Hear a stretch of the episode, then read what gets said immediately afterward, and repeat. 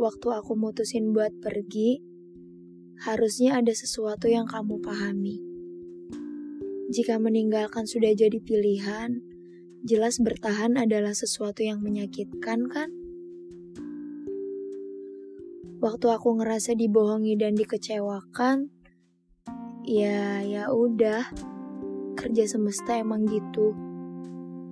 Kita dimainin sampai kita paham ada sesuatu yang harusnya nggak dipikirin karena cukup dijalanin.